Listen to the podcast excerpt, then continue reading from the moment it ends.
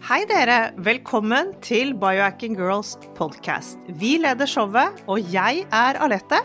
Og jeg er Monica. Vi er gode venner og kolleger, og vi legger sammen våre erfaringer og kunnskap for å inspirere deg til å bli din egen biohacker og optimalisere livet ditt.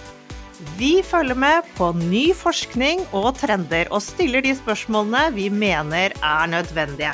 Ja, vi deler informasjon om biohacking, life coaching og fitness, og vi håper at du vil føle deg inspirert og klar til å ta et tak for å komme i den beste helsemessige form. Velkommen til Biohacking Girls podcast.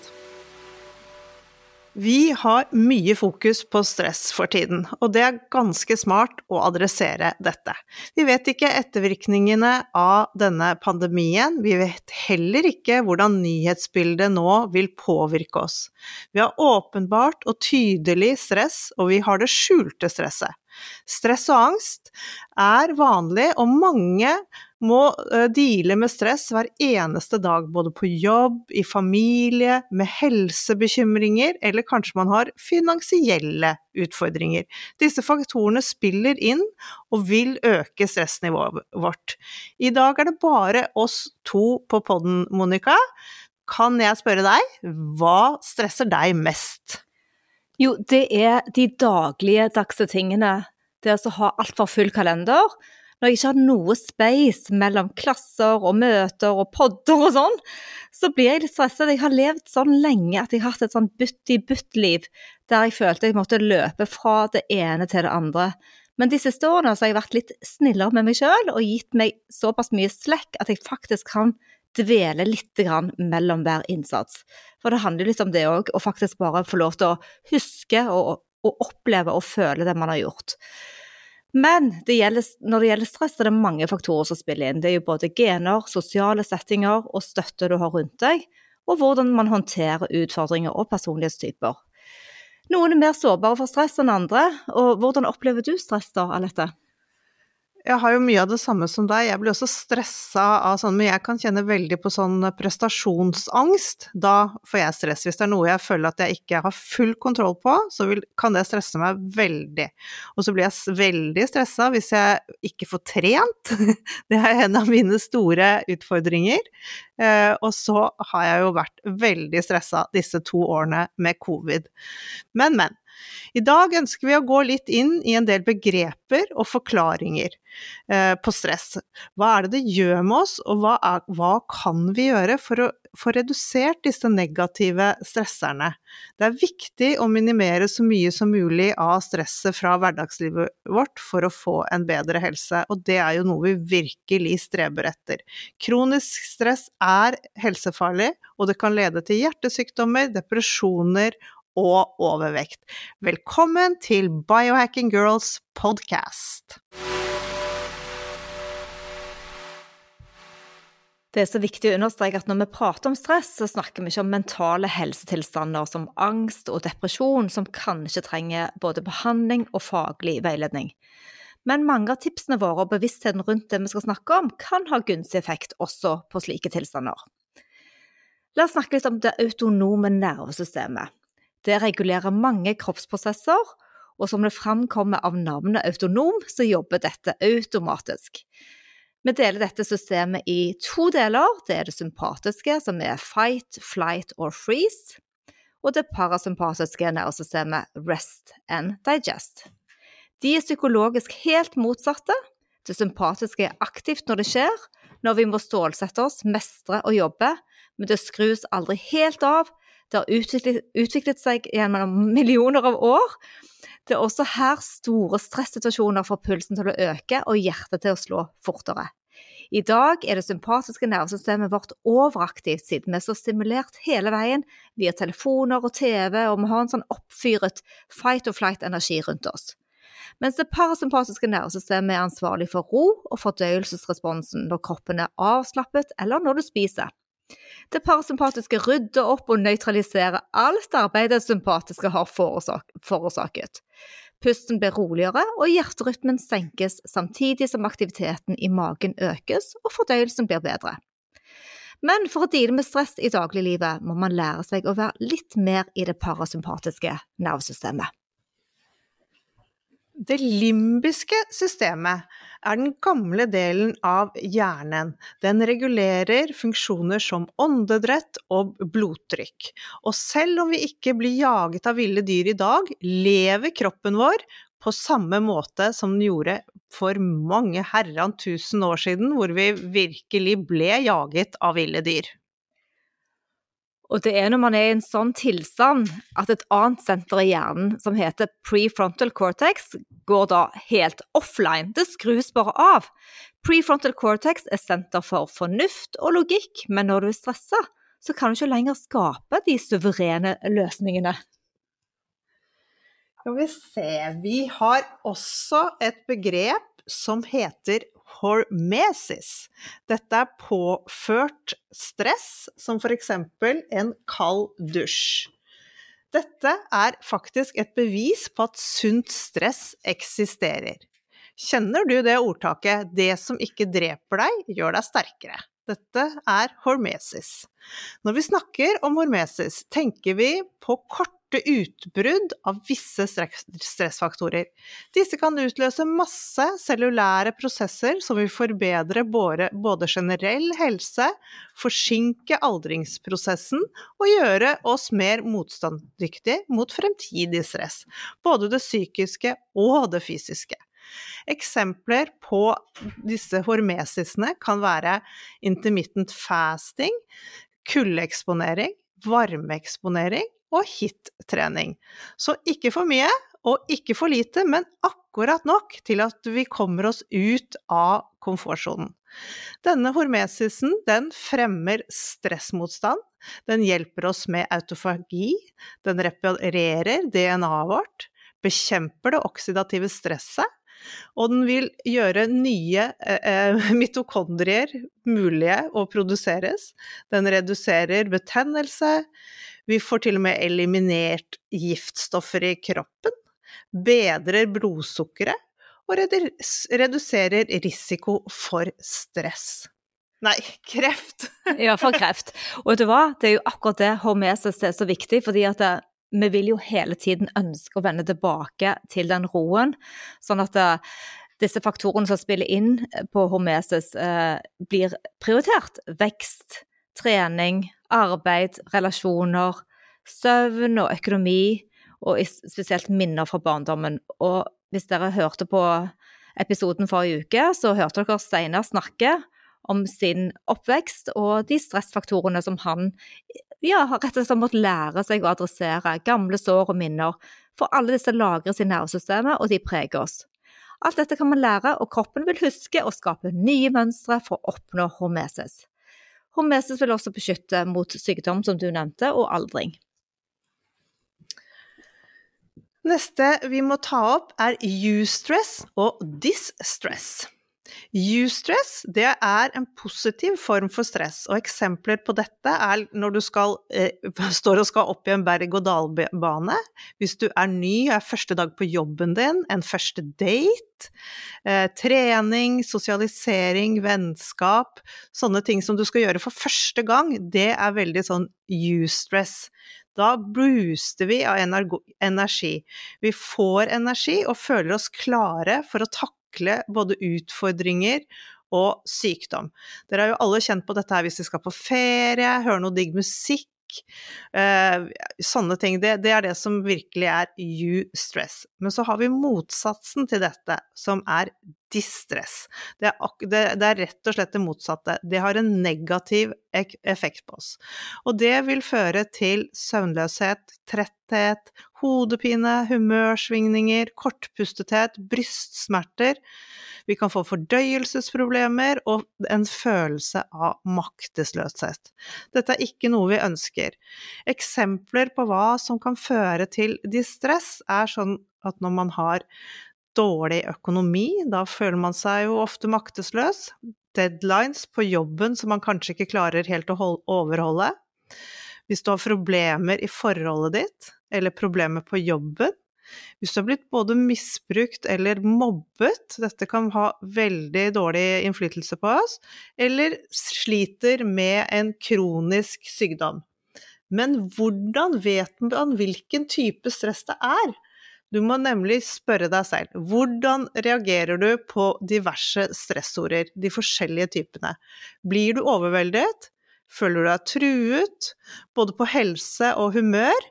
Det er sånne spørsmål du kan stille deg for å vite hvordan dette stresset påvirker kroppen din.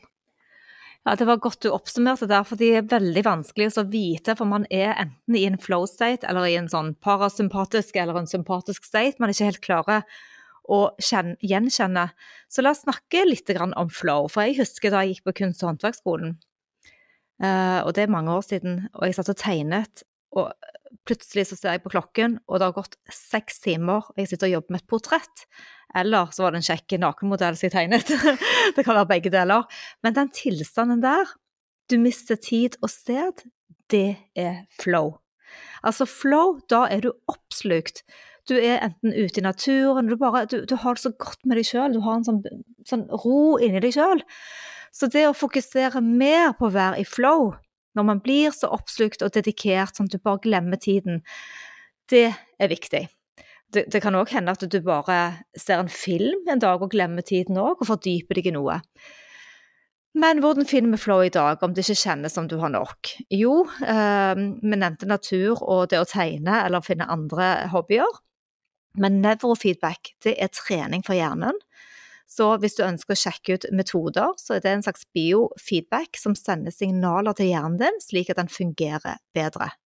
Da sitter du i en stol, du får elektroder på, hodet, og du ser på en skjerm, du kan til og med se på en film, og så sender den beskjeder tilbake til hjernen din. Du skal oppnå en ganske sånn umiddelbar flow-effekt etterpå. Mindfulness eh, på norsk heter oppmerksomt nærvær, denne type trening øver hjernen på å være bevisst til stede og oppmerksom på det som erfares i øyeblikket. Og det er en egenskap som alle har, og som kan trenes opp, istedenfor at vi hele tiden tenker på det som skjedde i går, eller det som skjer i morgen. Meditasjon det er øvelser for å jobbe med sinnet for å komme i en bestemt sinnstilstand av ro og hvile. Den kan man trene opp. Pusteteknikker det er å puste dypt inn og særlig ut fra lungene, og finne flow og glemme tid og sted. Veldig bra flow-øvelse. Så flow er en trening der man ønsker å separere hodet og kroppen fra strevet og problemet. Det er i flow state vi kan oppnå resultater, suksess, og hvor ting lander med letthet. Åh, nå kommer jeg nesten i flow bare av å høre på deg. Det er jo det beste som fins, er når man kommer i den flowen, og bare tiden bare har gått. Den får man ikke av å scrolle på Instagram. Heldigvis vet vi at det er masse vi kan gjøre uh, for å senke stresset hos oss, og erkjenne at vi faktisk har det. Hva, er det som, hva i kroppen er den tilstanden Enten, enten, at vi har disse smertene våre, vi har inflammasjoner, vi får ikke sove, og vi kan ha problemer med vekten. Den kan enten gå opp eller ned. Alt dette kan være symptomer på at vi har stress. En, et uh, sånn B-kompleks, det er et veldig kjempefint supplement som man kan ta. Uh, og det sverger vi til, for det er lett beroligende og avslappende. Det inneholder både folsyre, vitamin C og magnesium. Og dette hjelper på nattesøvnen, som igjen vil hjelpe oss med stressnivået. Ja, og da kan man til og med få den intravenøst, den B-kompleksen, hvis man ønsker å få en IV. GABA det bruker jeg selv. Eh, jeg bruker gjerne én til to piller, én på dagen og én på kvelden, 500 milligram. GABA står for gammo amino butyric acid, og det er et kjemikalie som finnes i hjernen men det finnes òg en del matvarer. Men GABA kan iallfall ha en angstdempende effekt, og òg påvirke søvnen din så du sover litt bedre når du tar tilskudd. GABA blokkerer hjernesignalene, altså neurotransmitterne, og GABA virker som en brems på hjernen som gir deg deilig ro. Herlig. Du har vært veldig glad i GABA, det vet jeg. Jeg har egentlig aldri, aldri prøvd det. Men det finnes mange fine adaptogener der ute som kan hjelpe oss med stressmestring.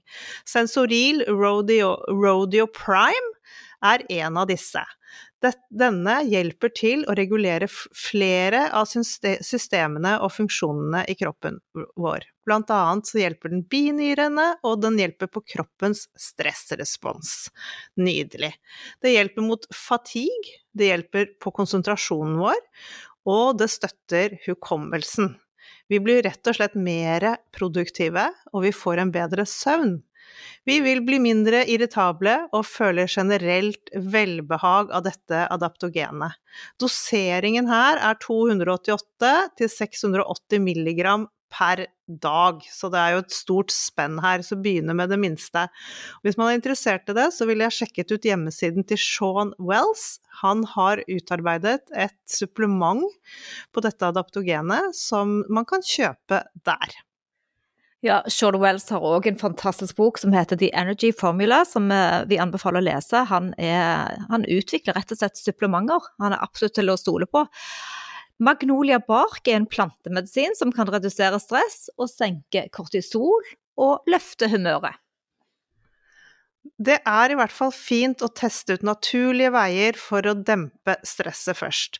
Det hjelper ikke med masse supplementer alene. Du kan ta så mye du vil, men hvis ikke du gjør noen tiltak i hverdagen din, så vil det nok ikke hjelpe noe særlig.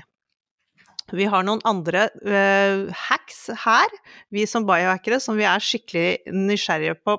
Det første er hyperbaric oxygen chambers. Dette har vi ikke fått prøve, for det er ikke noen klinikker på det i Norge ennå. Men vi har noen fordeler med dette, så i tilfelle du er ute og reiser, så går det jo an å prøve å teste det. Dette er medisinsk bruk av ren oksygen som pustes ved overtrykk. Det består av, av, at du må ta faktisk flere behandlinger, og hver behandling har en varighet på alt fra 15 til 90 minutter. Her i Norge så har det vært mye brukt ved dykkersyke. Eh, da har det hjulpet på det. Ehm, og når blodet fører dette ekstra oksygenet gjennom kroppen, så skal det hjelpe på å drepe bakterier. Det skal stimulere både growth factor og stamcellene våre. Det brukes også for anemi og brannsår. Kar eh, karbondioksidforgiftning skal det hjelpe for. Infeksjoner, strålingsskader, hodeskader og synsskader. Alt dette skal hyperbaric oxygen chambers hjelpe oss med. Nevrofeedback nevnte vi litt tidligere i eh, sendingen her i dag, eh, og det er da trening for hjernen. Sjekk gjerne ut Oslo Nevrofeedback Senter. Der har vi testet behandling hos Anne Helene Brudevold. Det tar ca. en time, koster 1400 kroner, og du trenger tre til seks behandlinger for å merke effekt, men det skal gi ro. Og så har vi dette, dette cryotherapy chamberet, som ehm, Ja, det ble vel nedlagt, det som, eneste som jeg visste om, i, hvert fall i Oslo. Men eh, Monica var jo så heldig å få teste det i Berlin. Og dette går jo på litt av det samme som kuldeeksponering. Det at vi utsetter oss for dette stresset lite grann, og så styrker det kroppen vår. Men uh, cryo er jo da et sånn kammer som man går inn i. Der er det veldig, veldig kaldt, og du står der inne og hopper og danser og har på lue og votter. Og så er det to minutter man står der inne. Tre. Tre minutter, og så ut igjen. Men her går det også an da Dette er jo dyrt, så det går an å hoppe i sjøen også. Ja, og så er du oppe i minus 266 grader. Det er ikke alle som har så iskaldt kjøleskap på kryo. Ionisering, dette har jeg selv testet, Alette. Det var utrolig, og det virker umiddelbart. Dette finnes heller ikke i Norge, men vi må dele informasjon om det. Du ligger altså på en benk med en strømkilde over hvert øye. Først så jobber du på den ene siden, og så på den andre. Øvelsen tar én time, koster 700 kroner, og det skal visstnok hjelpe med kun én behandling. Jeg merket det veldig godt på søvn etter én behandling. Den regulerer nervesystemet og balanserer det parasympatiske nervesystemet. Så vi skal legge link til denne behandlingen. Eh, det eneste stedet jeg vet om det finnes eh, til nå, er i Spania. Kvantemedisin det er en fellesbetegnelse for metoder der man kommuniserer med kroppen på cellenivå ved hjelp av elektromagnetiske frekvenser. Dette er rimelig kontroversielt, men det sies å balansere fordøyelsesproblemer, matintoleranser, allergi, dårlig immunforsvar, hormonelle ubalanser, rygg- og nakkeplager, og stress, søvnproblemer, angst og uro. Ja, man kan jo også ta et stressmestringskurs eller et kurs i mindfulness. Det er som med alt i livet, man må øve seg, særlig når vaner skal endres. Og da er vår erfaring at det kan ofte være lettere å lære noe nytt, enten på kurs eller sammen med noen, for å kunne sjekke inn og alliere seg litt med folk, og sammenligne, ikke minst. Et raskt Google-søk på norske nettsteder gir mange resultater. Mindfulness, fem rytmer dansekurs, pustekurs, meditasjon, yoga Ja, det er mange muligheter. Og helt gratis er det å bruke naturen. Jeg går, og jeg går, og jeg går masse. Det er en skikkelig avkobling for meg, men det har nesten blitt sånn at jeg føler litt stress når jeg ikke kommer meg ut, og det er jo ikke helt bra igjen. Men uh, man får samlet tankene når man er ute, man går i en ro, og det er ja, en kjempefin meditasjon. Men hvis du ikke kan gå i naturen, og det er det jo ikke alle som kan, eller bruke den på den, den måten, så er det veldig fint å holde på med havarbeid, du kan kose med dyr, det går an å sette seg på en huske og bare la føttene dine trå på gresset, kanskje kan du bade litt, eller til og med bilder av naturen inne kan hjelpe. Ja, eller kanskje til og med fotografere naturen ute. Jeg liker òg veldig godt å gå og kjenne at jeg får ro av det, særlig når jeg klarer å legge fra meg alt og bare være til stede. Det viser seg i alle fall at det er godt å bare være i naturens vakre omgivelser, og det kan redusere sinne, angst og stress, siden omgivelsene øker de gode opplevelsene. Når man føler mer velvære, vil det selvfølgelig påvirke helsen og blodtrykket, hjerterytmen og hormonene dine, som er i racerfart når du er stressa. Til slutt eh, så vil vi oppsummere noen fine rutiner som alle bør prioritere. I hvert fall noen av dem. Du kan velge deg ut om du syns noe av dette kan hjelpe med å redusere stressnivået ditt. Eh, beveg deg. Spis næringsrik mat. Reduser mobilbruken. Test gjerne naturlige supplementer. Reduser kaffeinntaket. Gi deg selv gode opplevelser som et bad, manikyr, ta deg en yogatime, få litt massasje. Vi må lære oss å si nei. Bruk mer tid på venner og familie. Ikke utsetting. Lær deg noe nytt. Gi og ta imot en klem.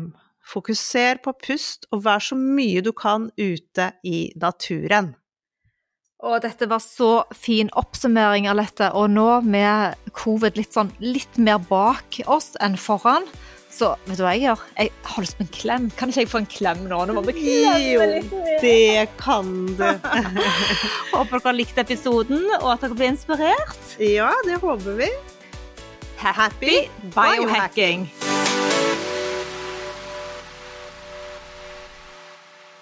Vi minner om at dere må snakke med egen lege eller kostholdsveileder om dietter og andre spørsmål relatert til medisiner og supplementer. Informasjon vi deler, kan ikke bli brukt til å diagnostisere, behandle, forebygge eller kurere noen sykdommer eller tilstander.